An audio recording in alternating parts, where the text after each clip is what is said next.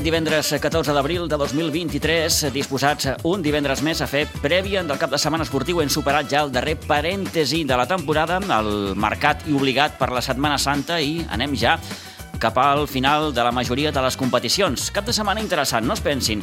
Eh, avui que tindrem ocasió de parlar de vela, de la 50, 54a edició del Campionat de Catalunya de Patia Vela Júnior, que acollirà amb el Nàutic Sitges. En parlarem d'aquí uns moments amb el president del Nàutic Sitges, amb el senyor Florenci Almúnia. Eh, destacarem també, bàsicament, allò, si haguéssim de fer un parell de titulars, doncs Rugby Club Sitges i Club Patí Subur Sitges es juguen la seva sort a les seves respectives categories aquest cap de setmana. El Rugby Club Sitges eh, disputa l'últim partit eh, demà, a partir de dos quarts de nou, al polivalent de Pinsbens davant el conjunt a la cantín de l'Àcara Bàrbara. Partit clau per seguir un any més a Divisió d'Honor B. Mentre que el Club Patí Subur Sitges té el derbi amb el Ribes. És el penúltim partit en aquest cas. En cas que les coses no anessin massa bé o anessin mal dades, hi hauria una nova oportunitat en el darrer partit de la setmana que ve aquí a Pinsbens contra el Lleida. Però el Club Patí Subur Sitges se la juga també aquest cap de setmana. Reprèn també la competició a la Unió Esportiva Sitges, que aquest diumenge juga a partir de les 6 de la tarda a Gavà, davant l'Sporting Gavà 2013, en el seu camí particular cap a la primera catalana, el Sitges B, que tractarà de superar una, diguem-ho així, eh, si se'n permet, mini-crisi amb les dues últimes derrotes, amb el partit que juga demà aquí a Aiguadols contra el base Espirall a partir de quarts de sis de la tarda i el bàsquet de Sitges, que també torna a la competició. Ho farà jugant a Terrassa aquest diumenge davant eh, l'estudi modular Esfèric, un bàsquet Sitges que visitarà Terrassa com a líder. I, atenció, perquè l'equip sub-14 del Rugby Club Sitges disputa demà la semifinal del Campionat de Catalunya de Primera Catalana. En parlarem també d'aquí uns moments. L'agenda esportiva del cap de setmana.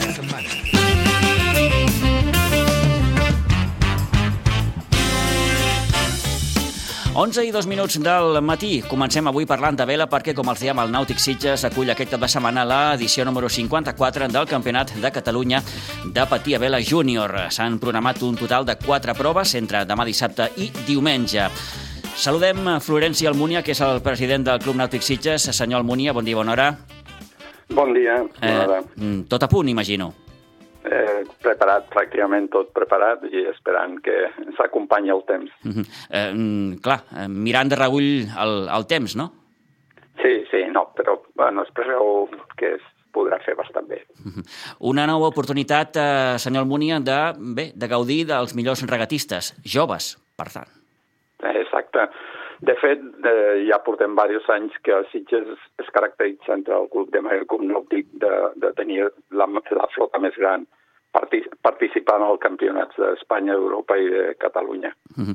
No oblidem que a finals del passat mes de març, en la Copa d'Espanya de Patia Vela Júnior, els regatistes del Nàutic Sitges eh, també van tenir molt bons resultats.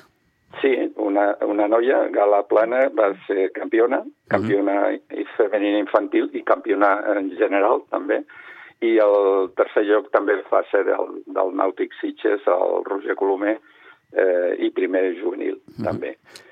El segon va ser Güelles, que entrena amb nosaltres, també. O sigui, tot i que va ser en Güelles, entrena amb nosaltres perquè hi ha molt bona relació entre clubs. Mm -hmm. eh, parlant de noms i de joves regatistes importants, eh, ho deies ara, en Roger Colomer, que no oblidem, en companyia de l'Àlex Canalda i del Jordi Sanz, van ocupar sí. les tres primeres posicions en aquella Copa d'Europa eh, del setembre del, del, júnior, mm. del 2022. Sí. Eh, va ser un altre dels grans èxits, Florenci, que, sí, sí. que, que va tenir el club. Eh? Exacte. De totes maneres, és que el, el club eh, funciona des de fa molts anys, eh, se retroalimenta, els que són campions se converteixen en entrenadors, els, els nanos s'incorporen en els clínics i, i i, és, és, un, és un trasllat de coneixements intergeneracional que, que, bueno, que dona aquests fruits sense, sense tenir l'objectiu de guanyar campionats. El nostre objectiu sempre és eh, reforçar tot un, una sèrie de valors de, de lo que és la navegació, que puguin disfrutar els nanos, que es puguin eh, eh, disfrutar al màxim, eh, reforçar grups, eh, lligams, eh, bueno, control del mar, eh, sostenibilitat, tota una sèrie de valors que se, se, se transmeten entre ells. I, i això fa que al final eh, donar fruit sense ser l'objectiu màxim. D'acord. Eh, veient, però, aquests resultats, a Florenci, és fàcil pensar que eh, ens trobem davant d'una de les millors pedreres de la vela catalana, oi? Sí, de fet, en l'any 2021, entre els cinc millors navegants de Catalunya, va ser també eh, nomenada una, eh, una noia, eh, la Mar Vilardell, que, que va guanyar en aquell, en aquell període, en el 2021, el Campionat d'Europa, Catalunya i Espanya. O sigui, també del Club Nàutic i també eh, eh, infantil, vamos, bueno, juvenil, perdó, el júnior, que diem. Sí. Eh, I va estar elegida entre les cinc, eh, proposta per la Federació Catalana de Vela entre les cinc eh, millors navegants de Catalunya. Va quedar la tercera, però també del nostre club. O sigui, això és un, és un model és un model que ja va començar en la vela escolar, és un model que s'ha traslladat a tota Catalunya per, per, per, perquè, es, perquè es faci en els, tots els pobles costers de, de, de Catalunya, un model que eh, aquí eh, ho portem des de fa molts anys. De fet, l'actual gerent del club va sortir de, del model, d'aquest de, model de la vela escolar. Uh mhm. -huh. és, és, és, és un, un, un club que s'integra en el propi poble, s'integra a través de la vela escolar, eh, després els, els nanos se fan eh, eh, més grans, eh, se converteixen en, en, en monitors, eh, després se van a treballar, es converteixen en socis, portant els seus fills. És un model eh, familiar que s'auto, auto, se regenera uh mhm. -huh. d'una forma natural. Eh, miri, la següent pregunta gairebé ja me l'ha respost. Li anava a preguntar per què són tan bons. Mm, bé, mm, doncs... No busca, no, només busca això, busca el més important per nosaltres és la seguretat, mm. el que la gent conegui el mar i, i respecti el mar, eh, i el que li diem a tots els nanos que han de disfrutar i que cadascú de nosaltres ha de tenir unes metes intermitges, o sigui, tots hem de guanyar en aquest campionat perquè tothom ha de tenir la seva meta, no només guanyar el campió, guanyem tots, hem d'intentar que guanyin tots, és com la vida, no? Sí, sí, sí, sí, sí. exacte. I el, I el valor del mar, una de les coses que primer ens ensenyen o ensenyem és que uh, si algú dels companys està en situació de perill, el primer és això, no el campionat. O sigui que eh, forma part de, de, de, també d'una formació personal. Mm -hmm. Bé, com dèiem, mm, com dèiem eh, aquest cap de setmana, tant demà com diumenge, eh, el Nàutic Sitges acollirà aquesta edició número 54 d'aquest Campionat de Catalunya sí. de Patia Vela Júnior. S'han programat, com dèiem, a Florenci, eh, són quatre, quatre proves, no?, entre dissabte quatre, i diumenge. Dos, dos cada dia, mm -hmm. i perquè sigui vàlid han d'haver acabat dues proves perquè sigui vàlid el campionat. D'acord. Uh, un dubte que tinc, com, com funciona això? Uh, per acollir un, un campionat, en aquest cas de Catalunya, uh, és, és la federació qui, qui proposa el club, el club qui ho demana? Com, com, com, quin és el procés? Sí. Eh, habitualment eh, has de complir unes condicions mínimes de, de poder-ho fer, ja. lògicament, uh -huh. de tenir eh, tot, el, tot un entorn de seguretat en, en, en, en barc, en, en el que són zodiacs, en el que són eh, instal·lacions i que has pogut fer anteriorment. I després hi ha un repartiment dels diferents, eh, diferents campionats que los sol·licita el club. D'acord. El club los sol·licita, però també se lo han d'aprovar, aquesta sol·licitud. Mm -hmm. No mhm. només hi ha els, els júniors, també hi ha els sèniors. De fet, eh, nosaltres sempre ens va, eh, potenciem molt la, la, la part jove, però penseu que en, el, en, el, en els júniors el, el, la Copa d'Europa de l'any passat, els dos primers són socis nostres. O sigui, tampoc, eh, també els, juniors, els sèniors eh, tenen eh, eh, campionats. Lo, eh, en la federació cada any, l'any anterior, eh, pràcticament hi ha un repartiment dels, dels diferents campionats per, per nivell uh -huh. i els clubs sol·licitem moltes vegades eh, que els volem fer i eh, llavors ja eh, se reparteix dintre de la pròpia federació. D'acord, d'acord. Um, per anar acabant, gairebé, senyor Almunia, eh, mm, ha de fer, parlava del temps, no?, a l'inici de la conversa. Mm, ha de fer molt de vent, poc vent? Com, com, com ha d'anar això? No, això, eh, i més en, en, quan hi ha aquestes variacions, les previsions són molt bones, sobretot per, per als, que, els que naveguem, i els nanos eh, diem que és força 2, força 3, mm, bueno, és, és, és més, més baix que el que hem tingut algun dia d'aquests i són condicions en principi bones i creiem que es podrà fer. Si, si han fet, per exemple, jo crec que en la, en la campionat, a la, a la Copa d'Espanya que va fer el Club de Mar, eh, alguna de les condicions va ser més forta fins i tot i va, va haver algun problema de, de, de poder fer alguna prova, no? Ja. Eh, no preveiem aquestes, jo crec que, que podrem fer-ho, tampoc se pot, pot, se pot eh, dir eh, sense certa, no? Però, bueno, ahir ho vaig mirar i en principi sembla que pinta bé. Molt bé. Pinta doncs... un, que, que podrà disfrutar la gent per, per mirar-ho i per veure-ho, no, no plourà, en principi, i, i és, és el més important, doncs... poder disfrutar tothom. Bones condicions climatològiques es preveuen per dissabte i per diumenge perquè es pugui desenvolupar amb absoluta normalitat aquest 54è Campionat de Catalunya de patia vela júnior a les instal·lacions del Nàutic Sitges. N'hem pogut parlar amb el seu president, amb el senyor Florenci Almunia. Florenci, moltes gràcies per atendre'ns, que vagi molt bé i gaudiu d'un bon campionat. Moltes gràcies, molt amable. Adéu-siau, bon dia. Adéu-siau.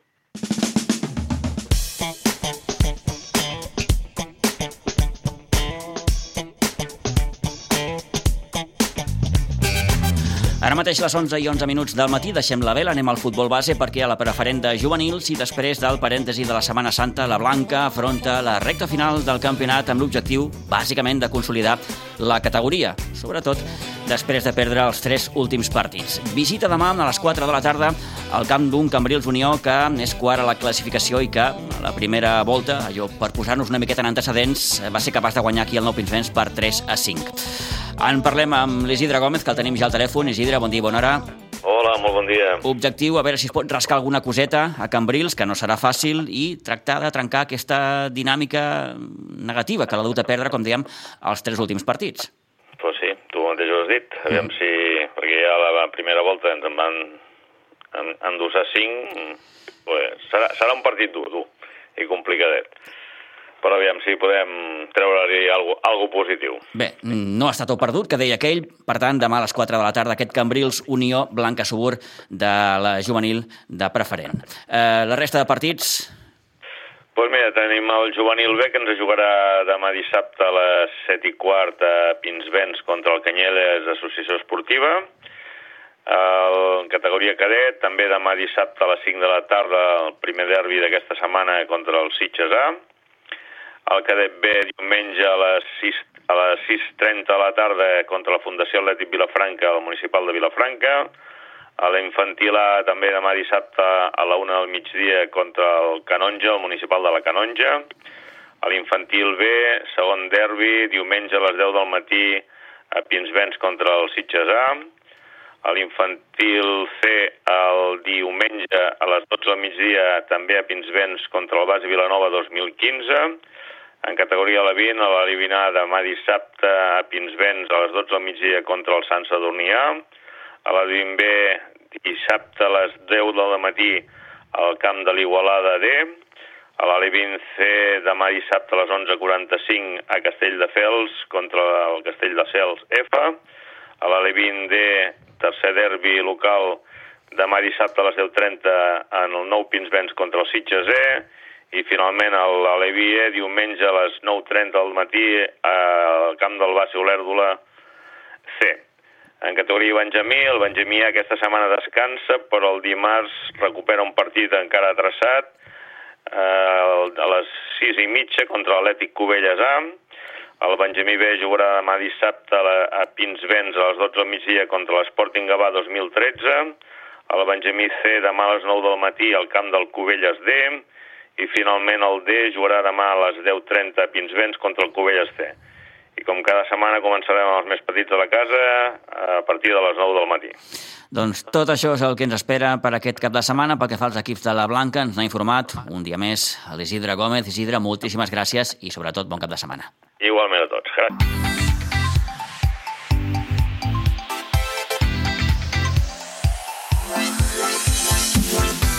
Per cert, destaquem també en matèria de futbol base els partits que jugaran demà dissabte a Aiguadols, l'Aleví A i el Benjamí A de la Unió Esportiva Sitges contra el Barça. L'Aleví A ho farà a partir de les 12 del migdia i el Benjamí A a partir de dos quarts de dues.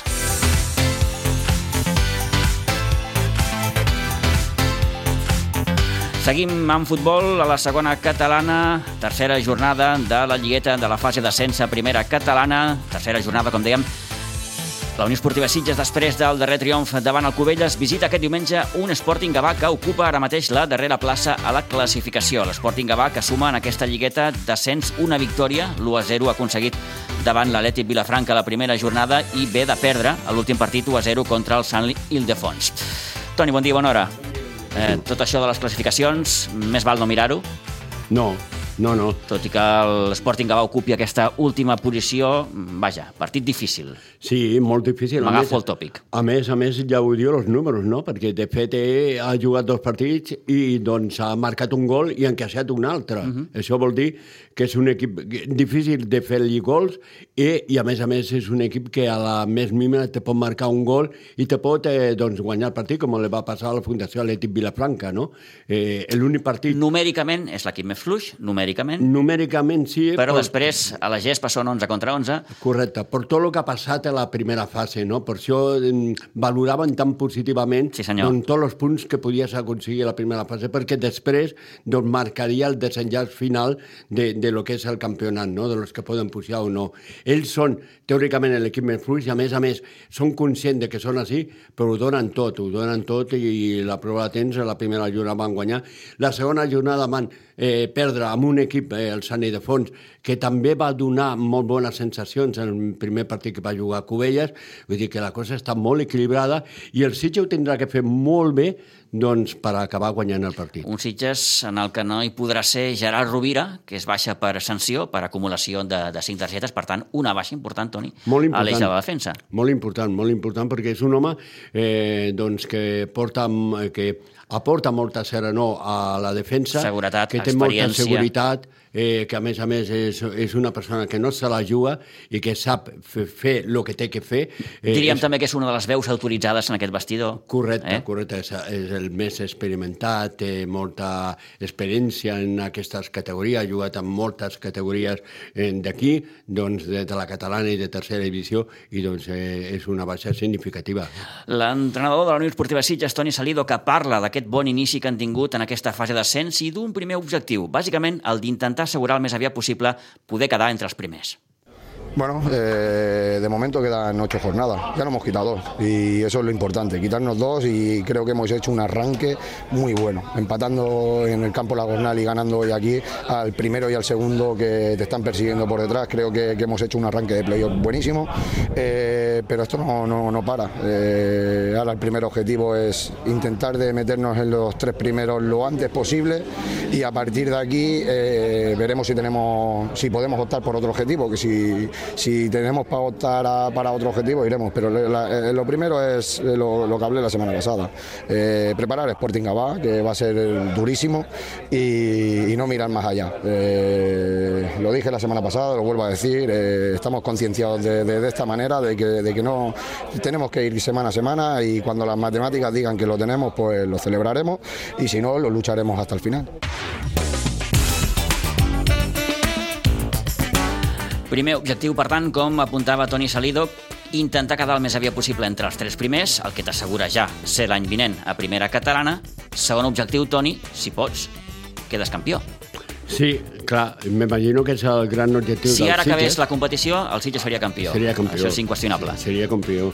Però, mm, però és una competició molt curta ara, perquè, compte, eh, estem a una jornada, doncs estem a la penúltima jornada ja de la primera volta, Sí, sí, sí, pràcticament. sí, sí. Queda el eh? partit de diumenge amb l'Sporting Gavà, després la setmana que ve reps l'Aleti Vilafranca i, I acaba acabaràs la amb el Sant Ildefons. Sí, correcte. Eh? Vull dir I després que... torna a començar. I torna a començar, Amb el no? Mm, Per això que dic que, que, que és molt curt, que és molt important la diferència de punts que té el Sitges, però clar, eh, no pot fallar, té que seguir doncs, sumant.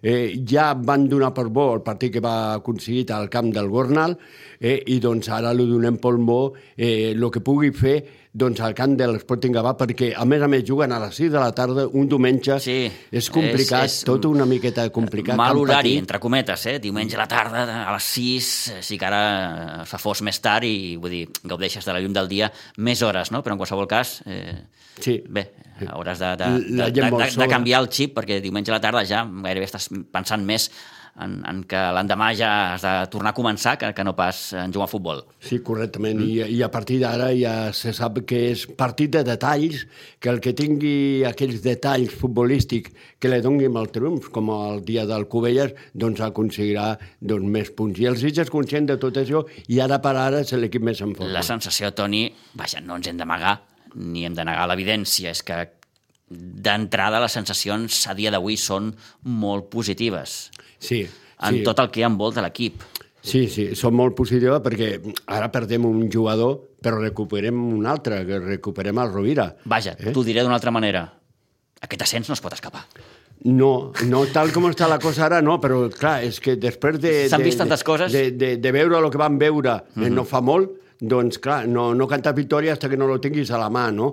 El Sitges, per això és tan important, perquè si el Sitges és capaç de guanyar aquest partit, eh, jo penso que és un dels partits complicats que li queda a part del Sani de Fons, perquè no coneix no coneix el rival, coneix mm -hmm. per les estadístiques, per tot el que le, per la informació que le donen, però no ha jugat amb aquest rival, així com amb la Fundació sap les armes que té amb el Covelles també, eh, doncs amb aquests equips mm -hmm. no. I, I això va passar a Gornal, no? El Sitges va jugar una miqueta a veure-les venir, a mirar de Sí, sí, amb el respecte de, de, amb molt de, de saber respecte. que t'enfrontes també, vaja, t'enfrontaves al campió del, del subgrup Clar. 3A, vull dir que... Clar, que... i no els coneixes bé, no?, uh -huh. de referència, vull dir, no has jugat contra ells, coneix tota la referència que et donen, però no el mateix. De moment el balanç, un empat amb el Gornal i la victòria abans de Setmana Santa amb el eh, Cubelles. El partit, diumenge, al camp Can Tintoret de Gavà, a partir de les 6 de la tarda.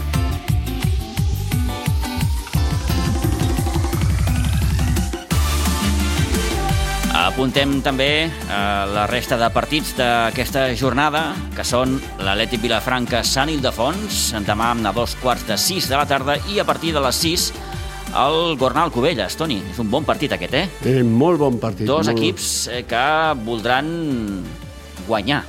Sí, i a més a més que jugues en un Voldran camp... guanyar per, per tractar d'assegurar una miqueta més aquestes tres primeres posicions. Clar, és que tots dos venen de perdre. Per això. Eh, I tots dos eh, són conscients de que eh, aconseguir la segona, perquè veuen molt a prop a la Fundació Atlètic Vilafranca. Uh -huh. I què passa? Que aquí cada partit és una final per tots ells, no?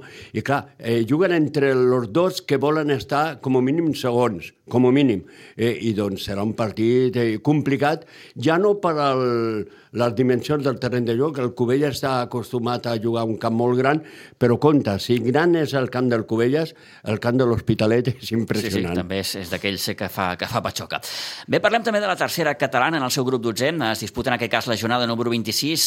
Objectiu, com dèiem, intentar trencar amb aquesta mini ratxa negativa que l'ha dut a perdre els, els dos últims partits. El Sitges B després de les derrotes amb el Ribas i el Torellenc, afronta aquesta jornada 26, rebent demà Toni al Baix Espirall, amb el record del partit de la primera volta, aquella derrota 2 a 1. Sí, no és el millor rival eh, per recuperar-se, vaja. perquè, perquè és un rival complicat, és un rival que és capaç de lo millor del No pitjor. presenta eh? un mal... M'estava fixant amb els seus números, no presenta un mal balanç fora, eh? No, ha no, guanyat no. 7 partits, n'ha empatat un i ha encaixat 4 derrotes. No són mals números fora. No, no, no, no, no. És, és un equip eh, complicat, és un equip molt difícil, és un equip eh, doncs, que no dona mai el partit per partit, és un equip molt similar als Sitges, eh? eh té molta velocitat en atac. Allò d'anar-hi, d'anar-hi, d'anar-hi. Eh, Correcte, potser té més gol que els Sitges, potser té més gol que els Sitges, però eh, és un equip molt compacte, eh? molt similar als Sitges, eh? amb una mm, mm, barreja de veterania i, i joventut. Els Sitges és tot el contrari, és més joventut, però són aspectes molt similars. Eh? Quan Deia, juguen- el- deia l'entrenador, recordo les declaracions que ens feia després de la derrota amb el Torellenca, mm, no hem vist el, el, el que és veritablement l'equip No. en aquest partit. Per tant, intentar recuperar la, la, la millor versió, eh? Sí, sí, sí. El partit de Torrellano jo penso que va ser, per mi, el pitjor partit que l'he vist als Sitges, no? Perquè, a més a més, no se'l va, se va veure alguna cosa a la segona part, però potser ja arribava massa tard, no? D'acord. Mm, Va jugar molt incòmode. Potser el camp del Torrellano, que jo sempre dic que és un camp molt difícil de jugar, eh? per tot, doncs eh, se la va... Sí, sí, se li va atragantar. Atragantar mm -hmm. els Sitges i no va fer el seu partit. L'Espiler és un equip que deixa jugar, eh? és diferent al Torrent, és un equip que deixa jugar i això lo pot aprofitar dels Sitges, tot i que té que tenir molta compte perquè al partit de l'Espirall el Sitges va creure que podia guanyar bé aquell partit i a la segona part va acabar perdent. Doncs demà a Dolça, a dos quarts de sis de la tarda, aquest Sitges B, eh, Espirall. Altres partits eh, destacats d'aquesta jornada són l'Olivella, la Múnia, el Montbui, Vilanova del Camí, la Granada Ribes i Atlètic Vilanova a Noia.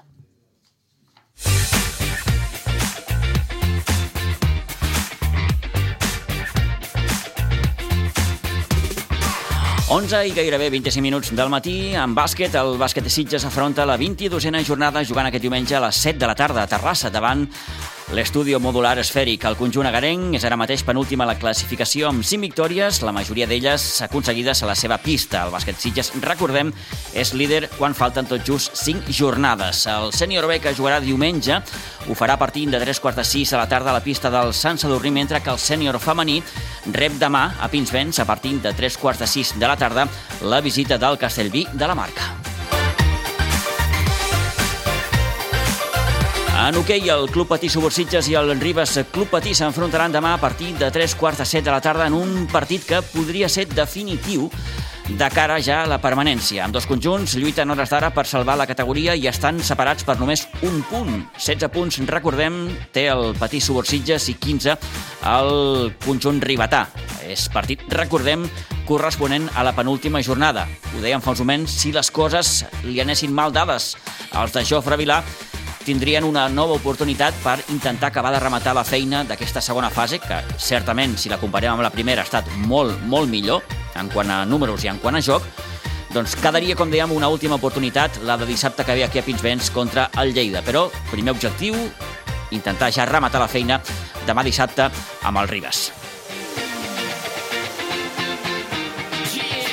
I a la divisió d'honor B d'en rugby, el Rugby Club Sitges se la juga demà dissabte contra el conjunt alacantí de l'Acra Bàrbara, en partit que jugarà el polivalent de Pinsbens a partir de dos quarts de nou del vespre. En joc, recordem, evitar la penúltima plaça que suposaria perdre la categoria. I en aquest sentit serà clau també el partit que jugarà el Poble Nou a Mallorca davant el Toro, demà a partir de les 3 de la tarda. Poble Nou i Sitges, per tant, que lluitaran per evitar el descens en una última jornada que promet eh, emocions fortes, com es diu en aquests casos. Per la seva banda, destaquem també que l'equip sub-14 jugarà a la semifinal del campionat de primera catalana. Ho farà demà dissabte al Valdiri Aleu davant la Unió Esportiva Sant Boiana a partir de les 10 del matí. De com arriba l'equip en aquest partit i, en definitiva, de la bona temporada dels joves jugadors del sub-14 del Rugby Club Sitges n'hem pogut parlar amb el seu entrenador, amb Luciano Puy. Mira, el equipo llega a un 80% de los chicos al 100% y el otro 20% son lesionados que se están recuperando. Estamos, estamos entrenando tres veces por semana, de los cuales uno de los días entrenamos destreza, melee, touch, contacto al final del entrenamiento.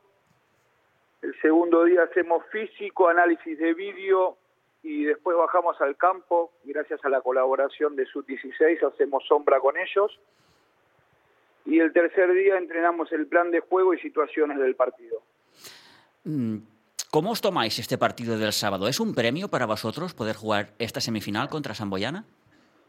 Es un premio de, sí, la verdad que sí, que lo tomamos como un premio de, del gran trabajo del plantel que realizó.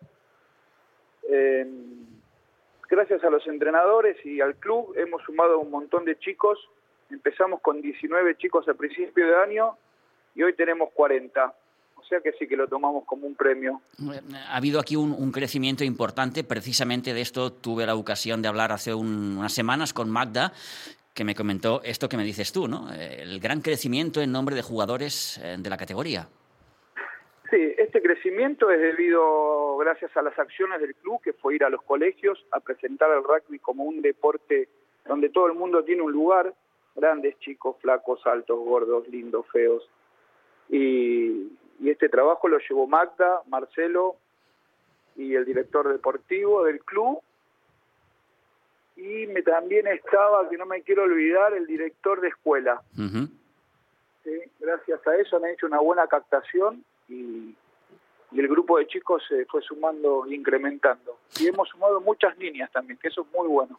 Vuelvo al equipo, Luciano. Eh, eh, en, en, en, Liga habéis quedado terceros. Esto os da la, la, oportunidad de jugar esta semifinal contra Samboyana. Por delante vuestro, pues el, el Samboy y el San Cugat.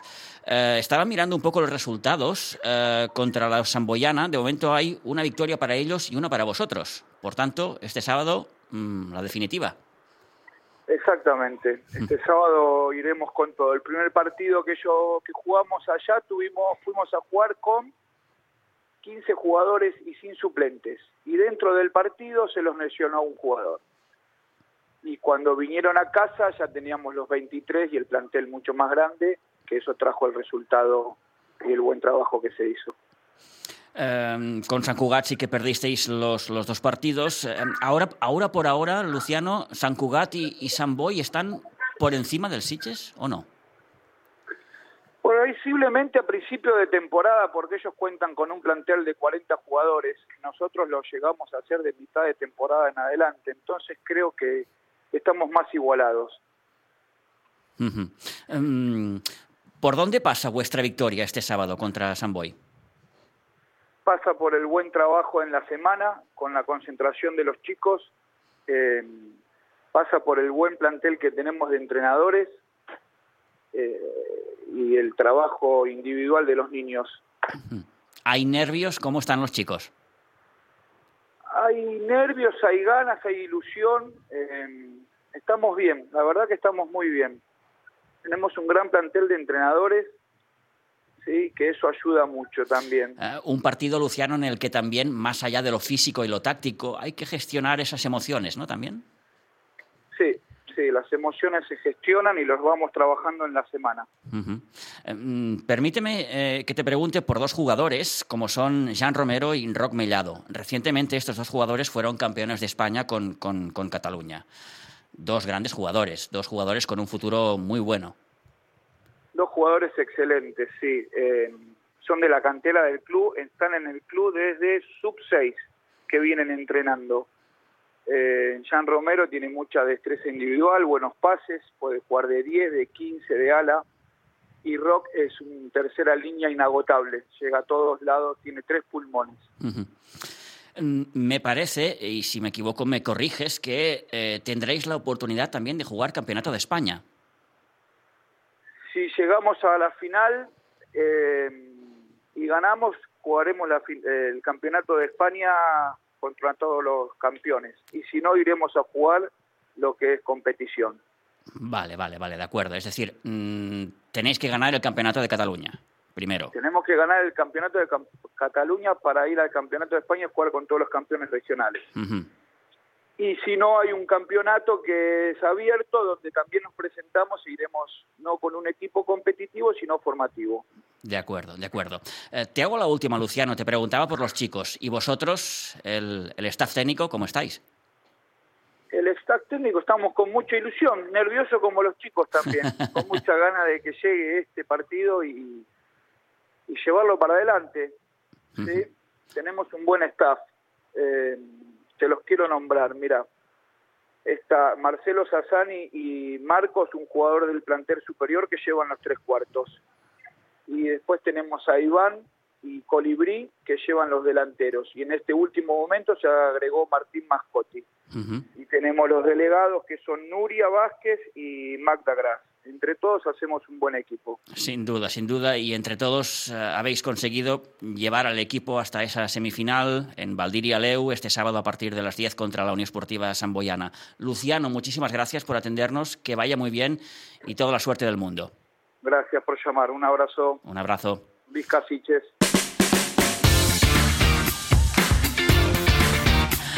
Vinga, doncs, tota la sort del món, com li desitjàvem fa uns moments a Luciano Puy, per aquest eh, sub-14 del Rugby Club Sitges. Recordem, demà, al Valdir i l'Eu contra la Unió Esportiva Sant Boiana. L'altra semifinal la jugaran el Gòtics i el Sant Cugat. Si, per aquelles coses, l'equip és capaç d'aconseguir la victòria en aquest campionat de Catalunya, accediria a jugar amb els millors al Campionat d'Espanya. Vinga, anem acabant 11 i 34 en hoquei herba amb l'equip de Mamis del Sitges Hockey Club. Juga amb aquest diumenge a Terrassa. Ho farà amb el camp de les Pedritxes davant l'equip del Rimes a partir de la una del migdia. I en futbol sala, el primer equip del futbol sala Sitges s'enfronta demà dissabte amb el Gelida. Ho farà com a visitant a partir de les 4 de la tarda, mentre que l'equip femení rebrà a l'escola Daina Isart en partit que jugarà demà dissabte al pavelló de Pinsbens a partir de les 8 del vespre. En futbol sala posem punt i final a aquest temps de prèvia esportiva, 11 i 34, gairebé 11 i 35, en uns moments la tertúlia.